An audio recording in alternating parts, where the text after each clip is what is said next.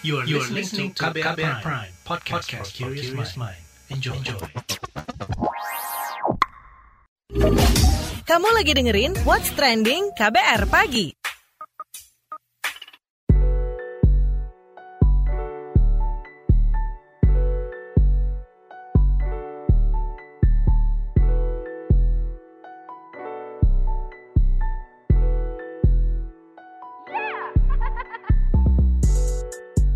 KBR Pagi, siaran pagi radio paling update. Selamat pagi, selamat hari Jumat. Ketemu lagi dengan saya Don Brady di What's Trending KBR Pagi pastinya.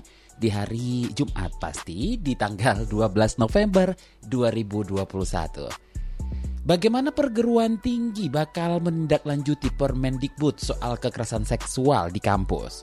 Jadi berdasar survei Kementerian Pendidikan Kebudayaan Riset dan Teknologi, pada 2019, kawasan kampus menempati urutan ketiga sebagai lokasi rawan kekerasan seksual setelah jalanan dan transportasi umum. Menteri Pendidikan dan Kebudayaan menjelaskan niat dari dikeluarkannya peraturan Menteri Pendidikan Kebudayaan Riset dan Teknologi tentang pencegahan dan penanganan kekerasan seksual di lingkungan perguruan tinggi. Kata dia, peraturan itu untuk menjerat para pelaku yang terbukti melakukan kekerasan seksual bakal dikenakan sanksi ringan hingga berat – semisal dikeluarkan dari kampus. Kata dia, Permendikbud Ristek ini disusun sejak 2020 dengan menggandeng berbagai pihak, di antaranya perwakilan perguruan tinggi. Mendikbud Ristek Nadiem Makarim melalui kanal YouTube Najwa Sihab 10 November 2021 juga menampik tuduhan pelegalan seks bebas dari peraturan yang dikeluarkannya itu. Sebelumnya muncul keberatan dari Muhammadiyah terhadap pasal 5 ayat 2 yang memuat frasa tanpa persetujuan korban – karena dianggap mengandung makna bahwa kegiatan seksual dapat dibenarkan apabila ada persetujuan korban. Sehingga dalam rilisnya Muhammadiyah menyebut Permendikbud 30 mengandung unsur legalisasi terhadap perbuatan asusila dan seks bebas berbasis persetujuan. Alasan inilah yang mendorong Diklitbang PP Muhammadiyah menolak pengesahan Permendikbud 30 dan meminta pemerintah untuk segera mencabut dan memperbaikinya. Sementara itu dilansir dari kumparan.com, Rifka Anissa Women's Crisis Center, organisasi non-pemerintah yang aktif mengawal isu kekerasan terhadap perempuan, menilai bahwa kontroversi yang muncul saat ini hanya karena adanya perbedaan pendapat yang didasarkan pada prasangka. Menurutnya, muatan dalam permen tersebut tidak ada yang dimaksudkan untuk melegalkan seks bebas. Nomenklatur persetujuan korban yang dipermasalahkan itu bukan untuk melegalisasi seks bebas, namun untuk menekankan bahwa selama ini banyak kasus kekerasan seksual yang dianggap sebagai kejadian suka sama suka sehingga lolos dan tidak ditindak sebagaimana mestinya. Lantas bagaimana perguruan tinggi akan bersikap setelah munculnya Permendikbud Ristek ini? Kita akan bahas soal ini, tapi kita simak dulu opini netizen plus 62 berikut ini.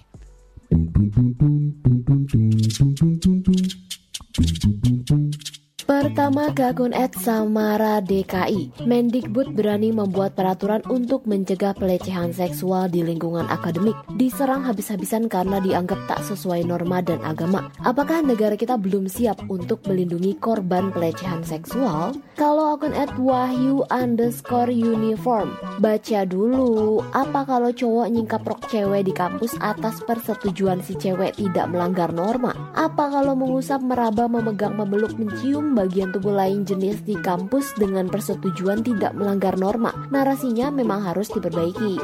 Nah, akun @quilensisi.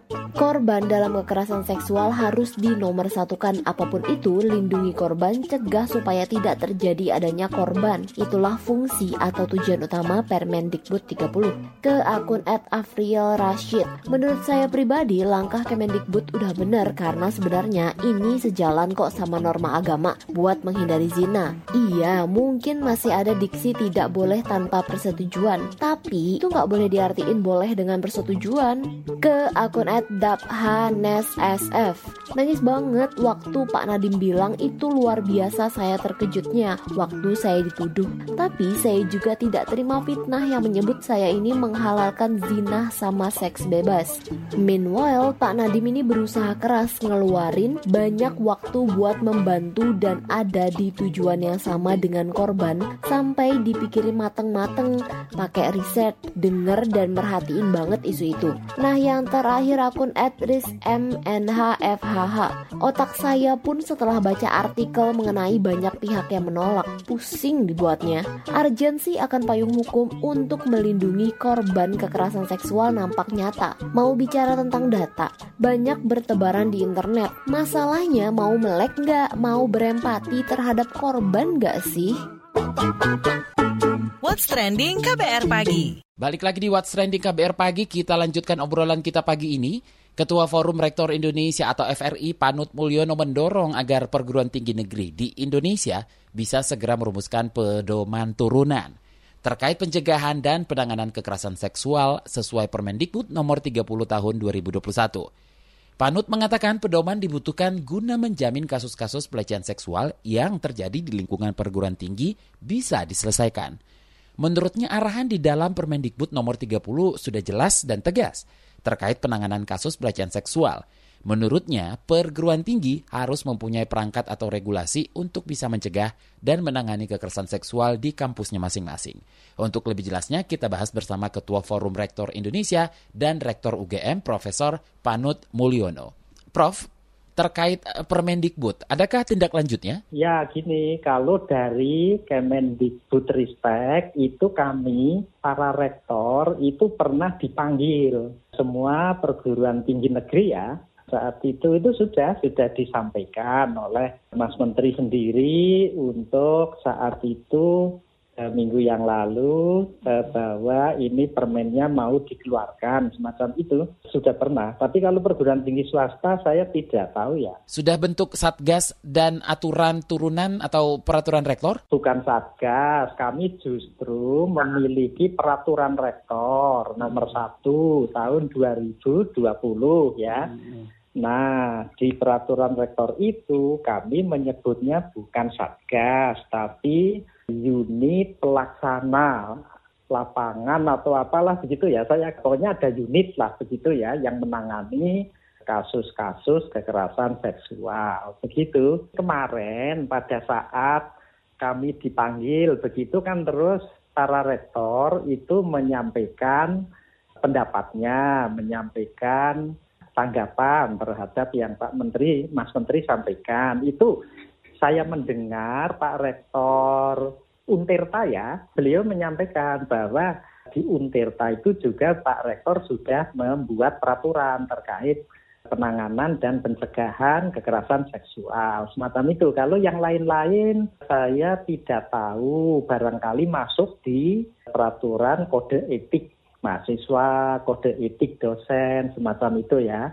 Saya tidak tahu mana-mana perguruan tinggi yang telah membuat peraturan terkait dengan penanganan dan pencegahan kekerasan seksual. Nah, upaya maksimalkan perlindungan korban dan implementasi aturan agar efektif? Kalau itu kan sudah diatur, Mas ya, hmm. bahwa hmm. peraturan ini kan sebagai pedoman bagi para rektor, pimpinan perguruan tinggi untuk membuat peraturan, begitu ya, untuk membuat peraturan di tingkat yang lebih bawah dengan mengacu pada Permendikbud Ristek 30 2021 ini itu sebagai pedoman untuk membuat peraturan biar kita bisa menangani kasus-kasus jika ada lah begitu ya. E, kalaupun tidak membuat tinggal diikuti saja ya mungkin bisa juga ya tetapi seyogianya kan memang e, perguruan tinggi memiliki aturan yang nanti di dalam menyusunnya memedomani Permendikbud Ristek itu dan, saya UGM juga mau menyesuaikan diri menyesuaikan diri untuk menyesuaikan peraturan kami dengan peraturan itu. Oke, artinya sudah ada perbaikan skema penanganan kasus kekerasan seksual di kampus atau seperti apa? Uh, ya karena apa mas, itu kan sangat jelas dan sangat tegas ya. Kalau kita prinsipnya tidak menjalankan penanganan jika ada kasus semacam itu dan nanti orang lain justru tahu begitu kan? Itu pimpinan perguruan tinggi juga bisa mendapatkan sanksi. Jadi ya prinsipnya bahwa perguruan tinggi harus mempunyai perangkat lah regulasi untuk bagaimana kita mencegah dan menangani kekerasan seksual jika itu ter terjadi di kampusnya gitu. Bagaimana membuat skema pelaporan di kampus yang pro kepada korban? Oh, kami sudah berjalan. Kami sudah berjalan, Mas. Tidak ada persoalan. Jadi eh, unit kami yang bertugas menangani itu itu yang menampung. Menampung pengaduan, menampung laporan. Dan laporan itu juga bisa langsung ke dekan ke mana yang kemudian nanti kami terima di unit pelayanan itu. Kemudian nanti unit membuat tim yang kami ya lakukan ya untuk melakukan investigasi dan seterusnya sampai menjatuhkan sanksi macam itu. Terima kasih Ketua Forum Rektor Indonesia dan Rektor UGM Profesor Panut Mulyono. What's trending KBR pagi? Newsbeat. Tiongkok memperingatkan masyarakatnya untuk bahaya penyebaran COVID-19 lewat paket belanja online. Peringatan ini dikeluarkan karena maraknya pembelian barang lewat platform online selama pandemi, terlebih di hari belanja daring tiap bulan. Otoritas terkait sempat menemukan kasus COVID-19 pada pekerja di pabrik pembuat pakaian anak-anak. Mereka langsung memeriksa paket-paket hasil belanja di kantor tersebut. Bahkan pemerintah Tiongkok melakukan pengetesan di kota Kwansi di mana 16 paket dikirimkan. Startup Remilk di Israel tengah mengembangkan susu dari bahan dasar mikroba. Bahan ini tengah diteliti untuk bisa mempertahankan kandungan protein dari susu sapi biasanya. Protein yang jadi kandungan utama susu dibuat ulang dengan menyandi protein dan dimasukkan ke dalam mikroba sel tunggal. Co-founder Remilk, Afif Wolf, menyatakan saat ini dunia tak bisa lagi bergantung pada binatang sebagai produsen makanan. Sebab hal itu dianggap tidak lagi berkelanjutan. Wolf menilai manusia harus mulai bertransisi soal pangan. Kota Ubud di Bali berhasil menduduki peringkat keempat kota terbaik dunia tahun 2021 versi situs wisata travel and leisure. Peringkat pertama diduduki kota San Miguel, Meksiko, Udaipur, India, Istanbul, Turki, Ubud, Indonesia, dan Kyoto, Jepang. Ubud berhasil mengalahkan kota Bangkok, Tokyo, dan Seoul yang sudah populer di kalangan pecinta wisata dunia. Peringkat ini diberikan usai situs wisata Travel and Leisure melakukan survei kepada para pembaca pada 11 Januari hingga 10 Mei 2021.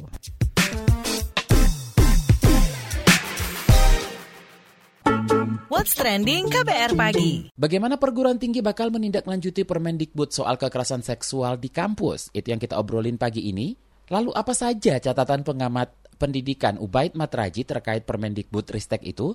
Kita obrolkan saja langsung bareng Koordinator Nasional Jaringan Pemantau Pendidikan Indonesia JPPI Ubaid Matraji. Pak Ubaid, bagaimana nih Anda melihat Permendikbud tentang pencegahan dan penanganan kekerasan seksual? Sudah cukup komprehensif kah? Ya, ini upaya menurut saya yang selama ini belum dilakukan pemerintah ya. Jadi Permendikbud ini saya setuju karena ini langkah strategis untuk pencegahan kekerasan seksual atau kekerasan terhadap perempuan yang banyak terjadi di institusi pendidikan termasuk di perguruan tinggi yang ini sudah memakan banyak korban, tetapi tidak ada pendampingan. Kemudian bahkan banyak juga yang berujung kepada gangguan psikologis dan juga kematian, tetapi pelakunya masih dibiarkan berkeliaran di institusi pendidikan. Bagaimana supaya efektif uh, implementasinya nih? Yang pertama memang aturan ini tidak akan berdampak apa pun kalau tidak ada political will dari pengelola kampus ya penting untuk diketahui bersama ini sangat tergantung kepada lingkungan kampus. Apakah ini dimaknai sebagai aturan yang mesti ditegakkan, yang bagian dari visi kampus, atau kampus sendiri cuek terhadap aturan ini gitu. Kalau kampus cuek terhadap aturan ini maka tidak akan terjadi perubahan apa-apa. Untuk itu kampus sebagai aktor ada juga pemerintah sebagai pihak yang penegak hukum di situ kemudian pengelola institusi pendidikan maka ini menjadi faktor-faktor kunci yang bisa menjadikan peraturan sesuai dengan tujuannya yaitu pencegahan kekerasan seksual di kampus gitu ya. Oke, pembentukan Satgas dan pelaporan di kampus ini bisakah ditindaklanjuti atau ada kendala yang dihadapi kampus untuk mewujudkannya? Ya pasti akan bermasalah ya. Ini kan masih gagasan awal lah. Apakah Satgas itu akan dibentuk, kemudian kalau melibatkan orang dalam bagaimana itu kan tentu ini ada konflik of interest ya kan. Kalau Satgas itu nanti dibentuk oleh orang dalam di kampus, lalu ternyata pelakunya banyak orang dalam, itu pasti akan tidak akan terjadi itu ya satgas di kampus. Kemudian yang kedua, kalau di tingkat kampus itu kan ada banyak stakeholder di situ kan. Ada mahasiswa, ada dosen dan seterusnya. Itu juga harus mendorong supaya aturan ini ditegakkan di kampus gitu. Ketika aturan ini tidak ditegakkan di kampus karena ada konflik of interest, karena pelakunya juga bagian dari oknum yang ada di pengelola kampus itu, maka akan menjadi repot. Tetapi ketika mahasiswa mendesak, dosen mendesak, masyarakat juga mendesak, maka tidak ada kata lain kecuali penegakan aturan ini di level kampus. Nah, lantas sistem pelaporan seperti apa yang harus diterapkan kampus? Jadi harus ada mekanisme yang jelas ya. Bagaimana soal perlindungan terhadap korban.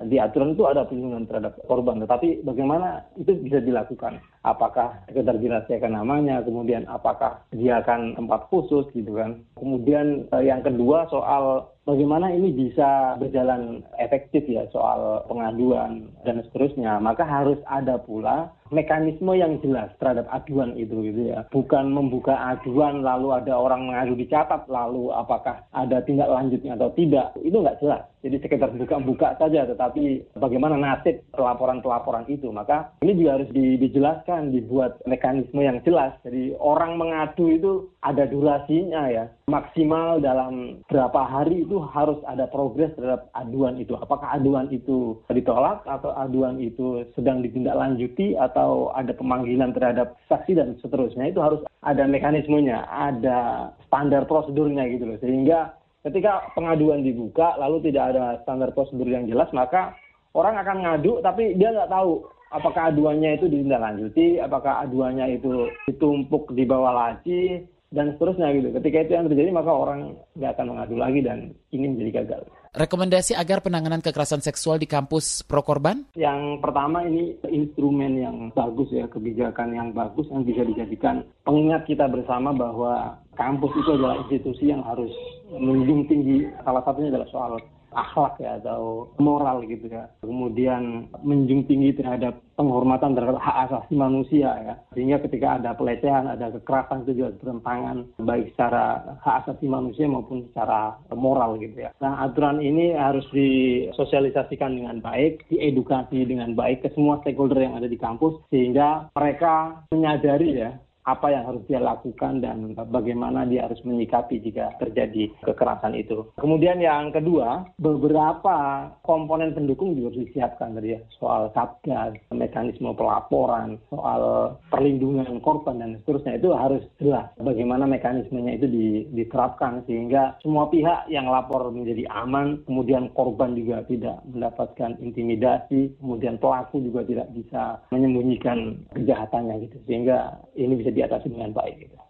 Terima kasih Koordinator Nasional Jaringan Pemantau Pendidikan Indonesia, Ubaid Matraiji. What's Trending KBR Pagi Commercial Break Break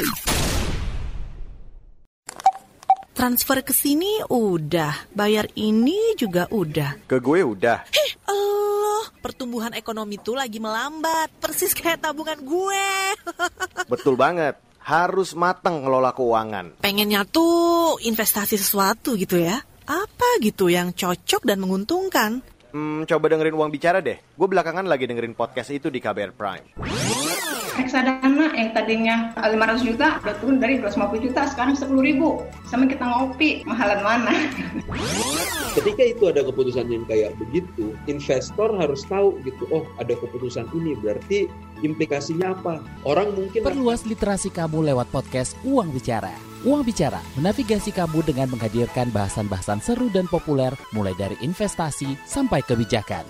Dipersembahkan oleh KBR Prime dan bisa didengarkan di KBR Prime, Spotify, dan platform mendengarkan podcast lainnya. KBR Prime, podcast for curious mind. What's trending KBR pagi?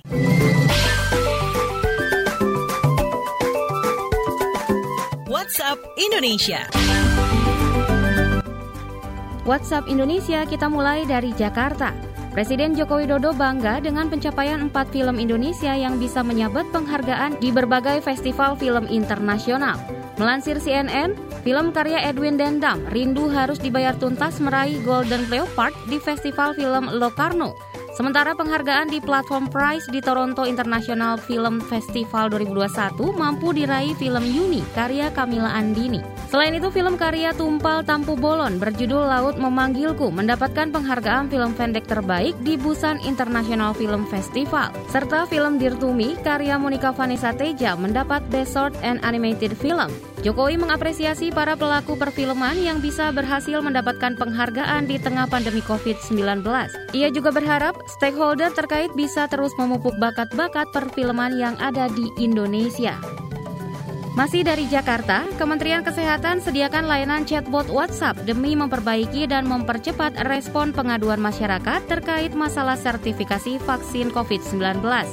Untuk mengakses layanan chatbot ini, masyarakat bisa menghubungi WhatsApp Kementerian Kesehatan pada nomor 08111 0500 untuk keamanan data, masyarakat akan diminta untuk memasukkan nomor telepon yang terdaftar pada aplikasi Peduli Lindungi dan kode OTP terlebih dahulu.